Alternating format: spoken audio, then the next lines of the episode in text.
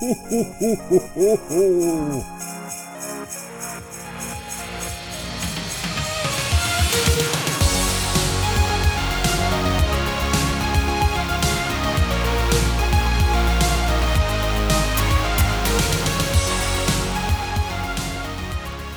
Hej och välkomna till podcasten Här pågår föreningsidrott med mig Isabelle. Och med mig Johan, vi jobbar båda två på RF SISU.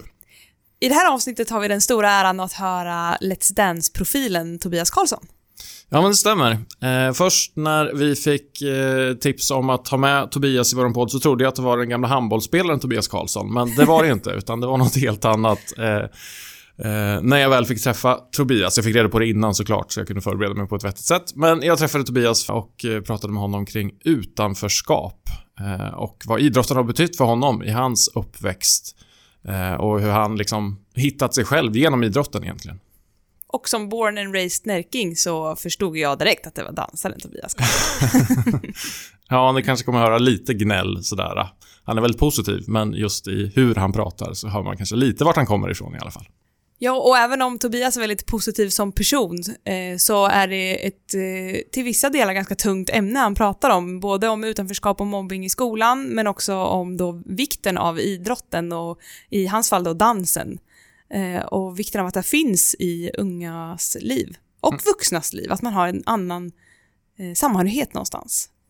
Ja, det blir väldigt tydligt att det är väldigt viktigt för alla de som mår dåligt och de som har mått dåligt att Eh, ha någon som ändå lyssnar på en. Och det vill vi väl skicka med er in i det här avsnittet nu, alla ni ledare som lyssnar på det här.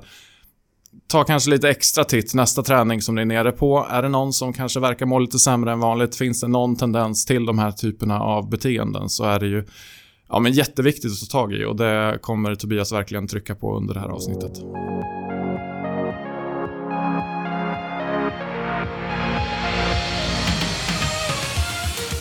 Jag är en liten eh, pojk från eh, Närkeslätten, från Östansjö, ut- utanför Hallsberg, i gnällbältet i Närke.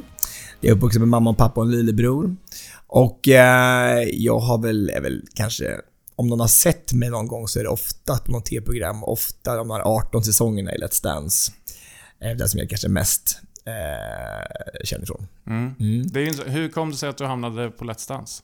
Alltså, jag eh, tävlade i dans under många, många år, men med en dansk tjej framförallt. Och på- utomlands och var jättehögt rankad i världen. Och sen så när det tog slut sen efter eh, diverse skador och strunt så, så började jag faktiskt med Let's Dance i Danmark. Eh, och kom med där med, genom en audition.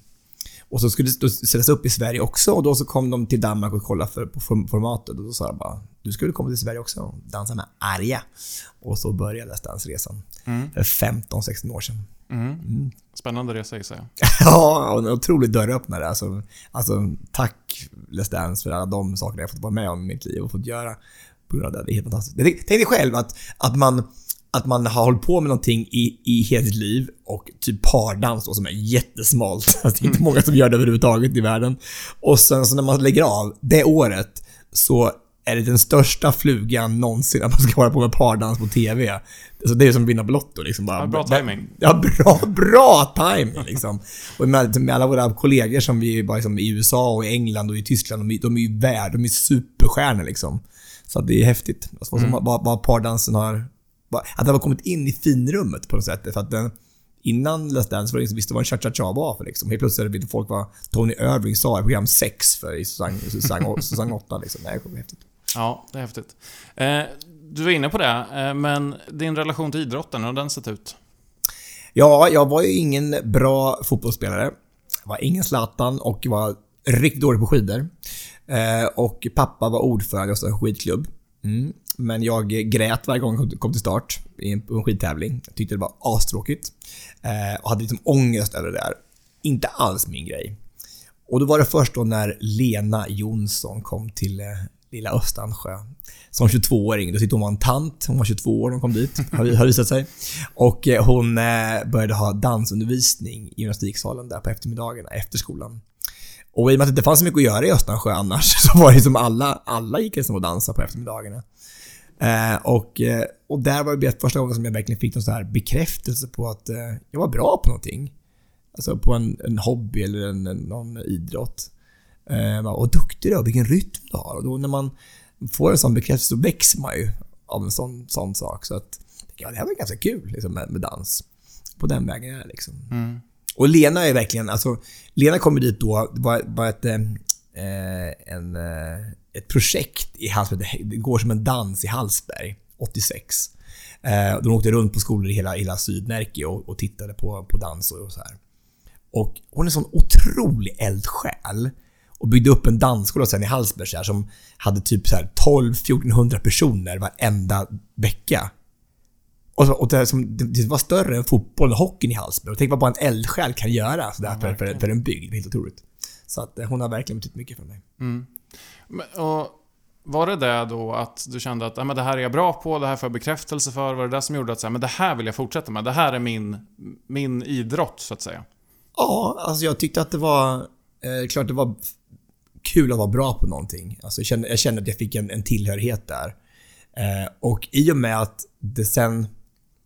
Eh, indirekt på grund av dansen så fick jag ju så ett ett ganska feminint rörelsemönster. Jag fick ganska mycket tjejkompisar och, och blev ganska feminin i mitt sätt. Eh, och blev då retad för det sen när jag kom upp i sexan, sjuan. Och eh, så att, men fortfarande så var det ju där som jag hade mina kompisar på dansskolan. Och det var ju min trygghet, alltså att gå till dansskolan varje gång. Trots mobbingen som var fruktansvärd på skoltid så hade jag ju någonting att se fram emot på, på eftermiddagen med, med dansskolan och kompisarna och Lena. Och, och där hade jag verkligen, där fick jag förverkliga mig själv. Jag fick hitta en i, identitet i det. Som var väldigt, väldigt viktig. Så att eh, det var ju jätteviktigt för mig att få, få känna att jag hörde hemma någonstans. Mm. Vem tror du hade varit utan dansen? Jag vet inte. Ja, men jag, jag, jag, jag håller på och skriver en bok till nu. Alltså jag, eh, och jag tänker på det. Vad, vad, vad hade hänt egentligen? Hade jag, hade jag hade droppat in på det här ändå på något sätt? Eller hade jag blivit arkitekt? Eller hade jag blivit läkare? Jag vet inte. Men det, för att på något sätt... Jag, det låter så kliché, men jag, jag, jag, det känns inte som att jag har valt dansen på något sätt. Det känns som att dansen har valt mig. Um, det låter lite, jag vet att det låter skittöntigt, men, men det är liksom, på, under de här åren så var det inte självklart att jag skulle dansa. Men det var liksom det som jag blev bra på, på något sätt. Så att, så att allt det här liksom har mynnat ut i att ja, dansen är din passion. Ja visst, men för att ja, det blev bara så. Det är inte någonting som jag bara sa, jag, jag, som jag ska drömma om att bli dansare. Jag hade andra drömmar som hade, hade med dans att göra, men inte just det här att jag ska bli, att jag ska bli dansare var inte drömmen. Nej, och det, jag tror att det där är ganska vanligt att man känner att man börjar med någonting och så får du en känsla för att man är bra på det och man vill fortsätta göra det och till slut så rullar åren på och de här ungdomsåren blir det formar ju en väldigt mycket. Så att, ja, jag förstår vad du menar ändå, även om det låter kanske lite klyschigt att dansen valde dig. Men jag tror att det är ett ganska vanligt sätt att eh, hamna i idrotten. Jag har en god vän som heter Anders Lundin, som var landslagstränare för, land- förbundskapten kanske för handboll till och med. Kanske var till och med. Anders Lundin. Ja, han hatar handboll. Alltså, han hatar handboll. Han bara vaknade upp en dag och bara så, vad håller jag på med? Det här är inte... Jag tycker inte om det här. Liksom, det, jag apropå att någon har, någon bara följt med och typ var ekorrljus där, även i den, i, i idrott och i föreningsliv. Så att det, det är intressant det där. Ja, och det säger ju någonting om liksom förening, föreningslivet runt omkring. Att det blir ju mer än själva idrotten. Mm, det blir ju det här som du var inne på, att du längtade ner till, till kompisarna, till tränaren Mm. och till liksom miljön mycket som var där. Om du liksom skulle beskriva den miljön som fanns där i, i, i dansen, när du vad, vad var det som gjorde att du så gärna ville dit? Ja men alltså att det var ju mitt, verkligen mitt, mitt pax. Jag kunde hämta energi igen. Alltså efter skiten som hände i skolan. Så var det bara att, att få dansa och få uttrycka sig och få svettas och få ha någon att prata med. Och, man, och där på dansskolan så var jag ju... Alltså, jag var ju... Jag betydde någonting där. I och med att jag var duktig och folk, till och med de som var yngre, såg upp till en där. Så man hade ju en roll, en, en, var en förebild till och med på dansskolan redan då. Eh, så det var ju jätteviktigt för mig. Om jag hade utan den här tiden på dansskolan så vet inte hur det hade gått. Jag menar, det är en sak att man blir mobbad i skolan, men som man inte har någonting att hålla sig i på fritiden heller, eller en familj, så då kan det gå riktigt galet. Mm. Så jag tackar min lyckliga, alltså min lyckliga stjärna att jag hade dansen att gå till varje, varje, varje eftermiddag. För att eh, det var verkligen där som jag fick tanka och få fylla på energi igen. Innan helvetet brakade loss igen på nästa morgon. Du tänkte aldrig tanken att, liksom, att, att dansen, du sa ju det att ja, men du fick ett feminint sätt Mm. och sådär, att du liksom det som hände då i skolan med mobbningen och sådär. Eh, att det liksom var dansens fel att det blev så. Du tänkte aldrig de tankarna? Jo, absolut. Och till och med till USA ett år och skulle skita i dans totalt. Ska aldrig mer dansa. Aldrig mer. Alltså aldrig mer. Uh, det var liksom hela planen. Um, men när jag kom dit bort så, så, så fanns det kommit en liten skithåla längst in i, i, liksom, i, i USA och um, som ingen har hört talas om. Uh, och där fanns det också en dansskola. Liksom. Och jag blev meddragen dit för att de hade min värdfamilj hörde att jag dansade hemma i Sverige. Uh, och tog en dansklass. Och dels så kände jag då att så här, men det här, jag älskar ju det här. Liksom. Jag tycker det här är så kul. Jag fattar inte varför ska jag sluta med det här för när jag tycker det är så roligt. Och där i USA är det också lite skillnad på så att i, i Sverige fanns det liksom inga killar som dansade överhuvudtaget. De hade det fanns inte. I USA är det mer som att där är de kollektivt mobbade, de som håller på med dans liksom, och teater. Som att allt som håller på med drama och så, det, de är töntarna liksom, men de är ändå töntar tillsammans. Det kände jag aldrig i, i Sverige egentligen, att jag hade fler killkompisar i dansen så. Så att det var en ny, ny känsla för mig att få komma till USA och få höra Fan, jag har ju killkompisar och vi dansar allihopa och gör det tillsammans. Och kanske blir mobbad då kanske, men det, det är lättare att stå tillsammans och ta den där skiten i korridoren än att göra det själv. Så att, eh, så tack vare det så fortsatte det sen också att jag dansade hela året borta i USA och blev ännu bättre och kom hem med nya influenser och fick ny, nytändning på dansen igen. Och, eh, och det konstiga i allt det här är att, att på grund av de där, de där åren med skit, med mobbing och den här, alltså, också sexualiteten och allt sånt där, allt sånt där, sånt där som var hemskt att gå igenom, har också skapat mig till den jag är idag. Och alltid när man pratar om mobbing och så här, den här skittiden i mitt liv så är det så lite ambivalent. För vem, vem hade jag blivit annars? Mm. Hade jag blivit så här stark? Hade jag varit så här lycklig som jag är idag? Så tacksam som jag är för mitt liv? Om jag inte hade gått igenom den skiten i x antal år? Och det är så konstigt att tänka på det. Att varför, vem, vem, vem hade jag då blivit? Inte dansen och inte den skiten för att rusta mig till framtiden. Så det, det, är, det är sjukt att tänka på tycker jag. Mm.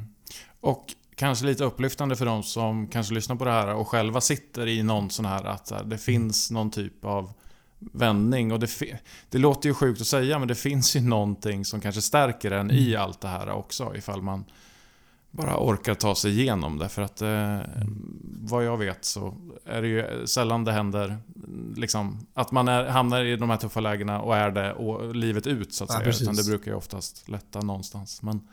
Nej, men det är ju det, det att man, alltså man måste ju veta det. Alltså jag hade önskat kunna åka tillbaka till Tobias, 13 år och, och eh, som krama om honom och säga bara du, det blir bättre. Mm. Det här är inte slutet. Det här är bara början på någonting väldigt, väldigt fint och du, du kommer inte alltid gå i 7C. Du kommer inte alltid ha den där dumma fotbollstränaren som sätter dig på bänken i varje match. och Du får liksom aldrig spela. Du blir bättre, så ge, ge inte upp. Och det är väl det som är själva eh, budskapet i det här också till alla andra som sitter ute i Sverige nu och har samma situation som jag har. Att inte ge upp, för det blir bättre.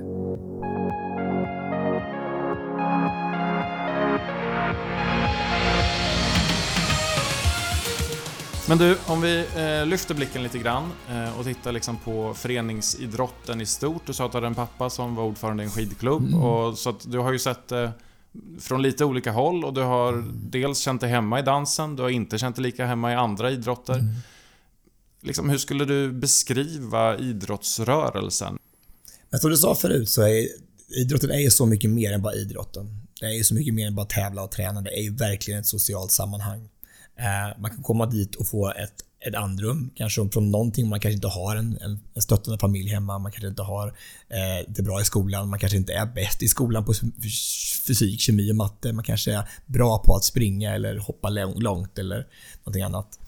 Um, och så det är ju jätte, jätteviktigt. Men så är det en annan del av det här som, vi tycker, jag måste, som är viktigt att ta upp då här. Då, det är HBTQ.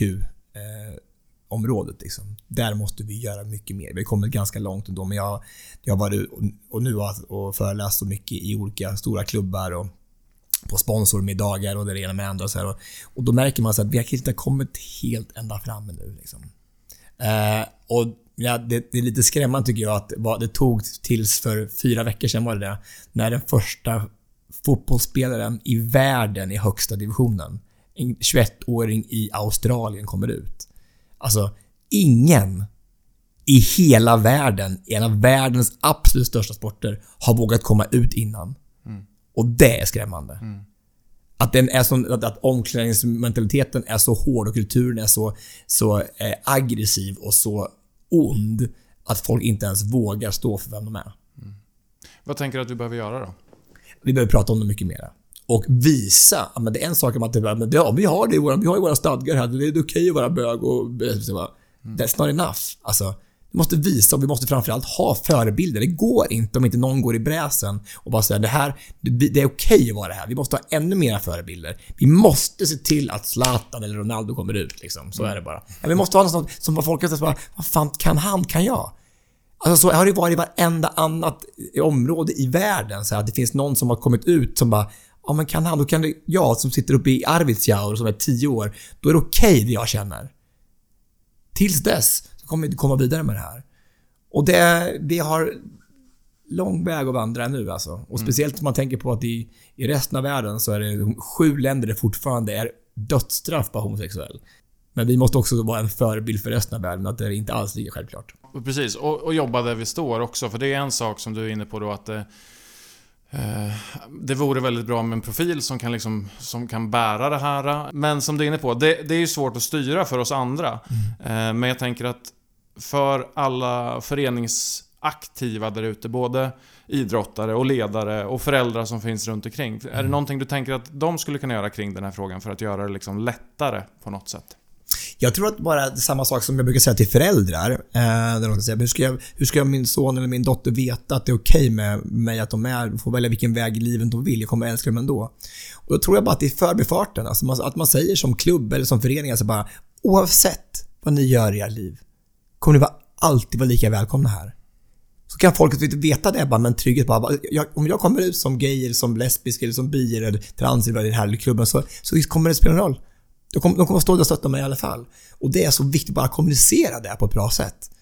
Och det gör väl med sådana här poddar där man bara pratar om, om, om det bara i det öppna rummet. Bara, det, här, det här är självklart. Det ska inte vara någon, någon, någon fråga ens en gång det här tycker jag. Det är ju så självklart allting men ibland så är det bara inte det.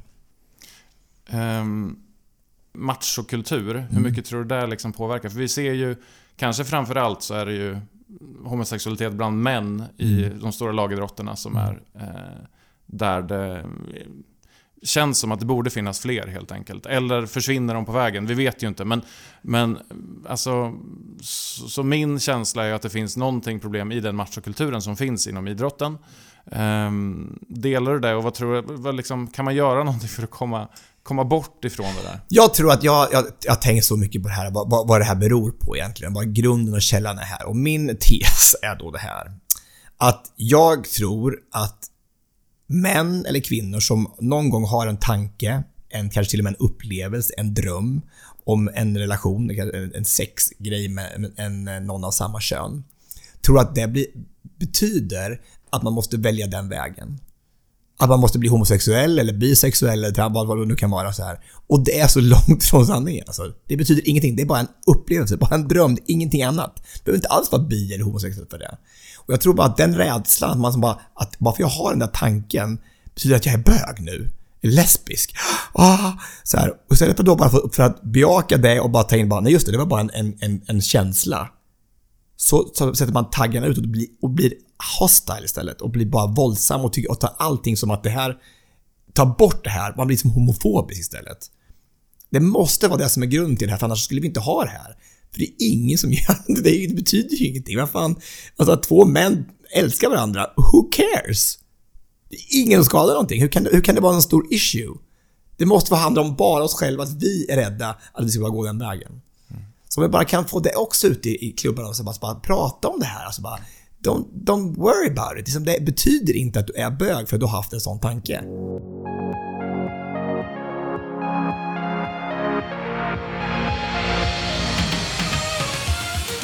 Om du skulle ge några tips till de ledare som lyssnar på den här podden.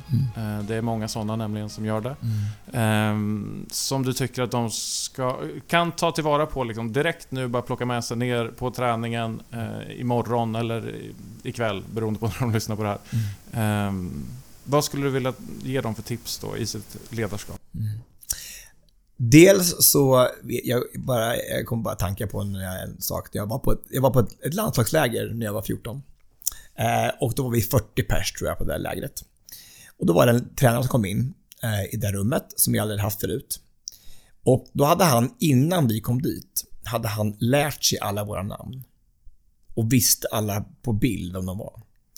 Och han såg oss på ett sätt som jag aldrig varit med om innan. Och jag blev helt, alltså helt fascinerad. Alltså att, han, att han såg mig som 14-åring och visste vad jag hette, det betydde allt för mig.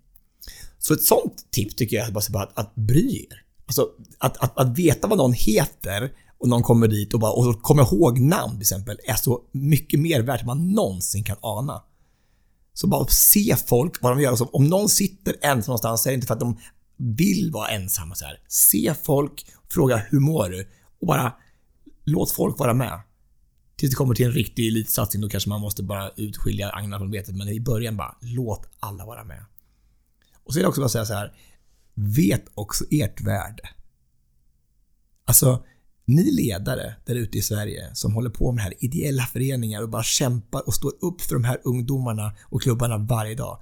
Ni betyder allt. Ni kan betyda skillnad mellan liv och död. För det kanske bara är dig som den här pojken eller flickan har att hålla sig till. Så glöm inte det, att du kan vara den som betyder allra, allra mest i den personens liv. Fint. Um, vill tacka dig jättemycket för att du var med i den här podden, mm. Tobbe. Eh, det var jättehärligt att få sitta och prata med dig om de här frågorna som ju är jätteviktiga för jättemånga. Mm. Eh, och tror jag har varit viktiga för både dig och mig i våra uppväxter i alla fall, känns det ju som. Verkligen. Vi har en avslutande fråga också. Ja. Som vi ställer till alla våra gäster och det är helt enkelt Vem skulle du vilja eh, höra i den här podden framöver? Jag tycker det är fint det som Albin Ekdal har gjort. Eh, jag tycker han är fin. Han är en bra ambassadör för idrotten, för en heterosexuell man i bollsport. Eh, och jag tycker han är, har gjort så bra och varit en väldigt fin förebild för, för fotbollen. Han skulle väl passa på i den här podden, tänker jag.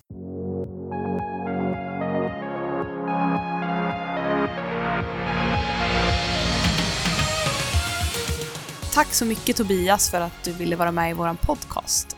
Eh, Johan, vad tar du med dig från ert samtal? Jag tycker att det var ett väldigt på vissa sätt berörande samtal utifrån eh, Tobias egna erfarenheter, att allt egentligen bygger ifrån, på det. Eh, men det är också någonting som blir positivt i slutändan för att han är väldigt tydlig med att han han vet inte vem han hade varit om det inte var för att han fick gå igenom allt det här. Han tror ju själv att han har kommit ut starkare på, på grund av det här och att han kanske har en större levnadsglädje. Eh, och det är ju väldigt lätt att säga eh, när man liksom har kommit igenom det. Eh, det ska man ha väldigt stor respekt för. Eh, men sen framför allt den här samhörighetskraften som finns egentligen överallt i samhället när man känner någon typ av samhörighet med andra människor.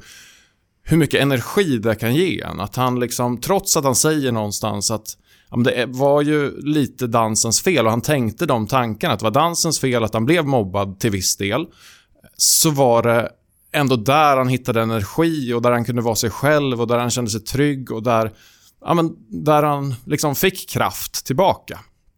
Eh, och det säger så mycket om mer saker än bara själva idrotten, utan allt det här som händer runt omkring, där vi kan känna att vi, vi hör ihop.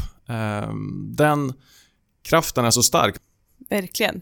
Eh, och vikten av att bli sedd tycker jag är en del av det som du säger nu Johanna, att jag finns här och jag har ett sammanhang här och jag blir sedd av, oavsett om det är för min prestation eller min person eller ja, att jag bara kommer hit. Eh, så där man har ett sammanhang, eh, där, där måste man få finnas. Och det är ganska viktigt tror jag att det finns flera sådana ställen att vara på. Att skolan inte är det enda som finns där jag, eh, där jag tillhör eller där jag spenderar min tid. Eh, för det är ju väldigt lätt i vissa åldrar framförallt att skolan eller där man är om dagarna, det blir hela ens värld. Och det blir en bubbla. Eh, och finns det då en möjlighet att finnas någon annanstans, i en idrottsförening till exempel, då är ju det en, jätte, en jättestor grej att kunna tillhöra någonting annat också. Ja, alltså jag vill nästan skicka med det också, för Tobias säger också att han önskar att han skulle väl hade kunnat åka tillbaka och talat om för den unga Tobias att det kommer bli bra. Jag vet inte ifall den unga Tobias hade tagit emot det så bra just på grund av det du säger. Att hela hans värld var hans skola, det var där han fanns. Eh, och där måste vi vuxna liksom försöka bemöta det med respekt så att vi inte hamnar i ett läge där vi klappar lite på huvudet. Ja, men det blir bra sen. Mm. De är inte så intresserade av sen, det är nu de vill att det ska bli bra och då måste man försöka hitta sätt att få dem att må bra i stunden istället tror jag. Eh, så att vi kan inte liksom marginalisera de känslor som man har bara för att man är ung och kanske inte har hunnit resa till USA som Tobias gjorde senare. Nej. Eller sett någonting annat som kan ge en perspektiv på saker och ting. Precis. Eh, och där, hans resa till USA blev ju som han beskriver en nytändning inom dansen. Och där tänker jag också att, även om man inte gör en sån stor utsvävning, om man nu får kalla det det, men bara att man får tillhöra en idrottsförening exempelvis och göra andra saker och kanske vara i en annan stad bara eller åka på något annat, en eh, tävling, en turnering, vad som helst. Eh, det ger ju också nya influenser. Att kunna få den här nytändningen i sin idrott för att man faktiskt får göra något helt annat och få se något nytt. Mm. Ja, och en sak jag tar med mig också, att idrott är verkligen för alla. Sen så gäller det att hjälpa de unga och de äldre också för den delen att hitta den där idrotten som man trivs så där bra med. Och så att det känns som det gjorde för Tobias när han kom ner till dansen, att det var värt att allt det andra var värt att bara att han fick lägga tiden där och han fick må bra. Eh, så gäller, och där tror jag att det finns jättemycket för oss att fundera kring i idrotten. För det är så mycket fokus på att behålla, behålla, behålla. Vilket gör att vi kanske håller kvar ungdomar i en idrott bara för att de måste vara kvar i någon idrott. Istället för att hjälpa dem att hitta där de kanske faktiskt verkligen, verkligen vill göra. Att man liksom... Vi ska såklart jobba med att behålla, men kanske hjälpa varandra och bara se oss omkring. Att men det, kanske, det här kanske skulle passa. Ifall det är någon som kanske inte har jättemotivation motivation att hålla på med just en specifik idrott. Och där är det lite problem tycker jag med alltså det svenska idrottsföreningssystemet så blir vi ju lite så här, vi ska hålla kvar i våran förening. Medan om man då tittar i andra länder där det är kopplat till skolan så är det mycket lättare att gå mellan idrotter. Är min bild i alla fall utan att ha vuxit upp där. Där finns det någonting att jobba lite på. att ja, men Kan vi hjälpa varandra, hitta samarbeten mellan föreningar, eh, se till så att vi får testa på mycket idrotter så att vi kan hitta den där idrotten som som Tobias säger, som väljer en, inte som jag väljer, utan som man bara blir en del av så fort man börjar med den egentligen. Och det som du pratar om nu Johan, det betyder ju också i min värld att man har de här eldsjälarna som Tobias pratar om. Och jag fick en känsla av att tänk om vi bara kunde bli några fler eldsjälar, vad mycket som skulle kunna hända med, med tanke på att man tycker att en person kan göra väldigt mycket och väldigt stor skillnad för många. Eh, och i det här fallet unga om vi är några till som kan se oss som eldsjälar eller som kan göra en eldsjälsjobb, eh, vad mycket vi skulle kunna åstadkomma och vad många vi skulle kunna nå.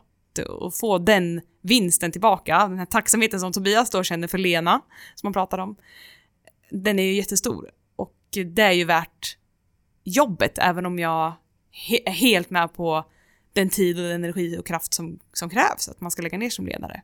Ja, vi skulle kunna avsluta där egentligen med egentligen samma ord som Tobias vill avsluta med. Bara vet ditt värde som ledare och det jobb och det slit du lägger ner betyder så mycket för så många. Eh, bara påminn, påminn dig om det ibland och lägg kanske lite, lite extra tid på att se de där människorna som inte syns automatiskt. Alltså de som kanske sitter där och är lite ensamma. Våga ge dem lite mer utrymme tror jag.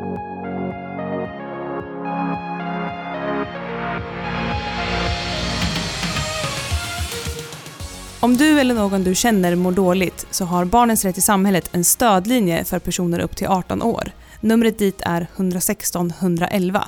Du kan också gå in på www.bris.se och chatta eller skicka mejl. Du har lyssnat på podcasten Här pågår föreningsidrott som görs av RF SISU. Om du vill komma i kontakt med oss som gör podden gör du det enklast via vår Instagram. Där heter vi som podden Här pågår föreningsidrott i ett ord. Du kan också mejla oss på podd at rfsisu.se. Podd rfsisu.se. Vi hörs igen nästa avsnitt.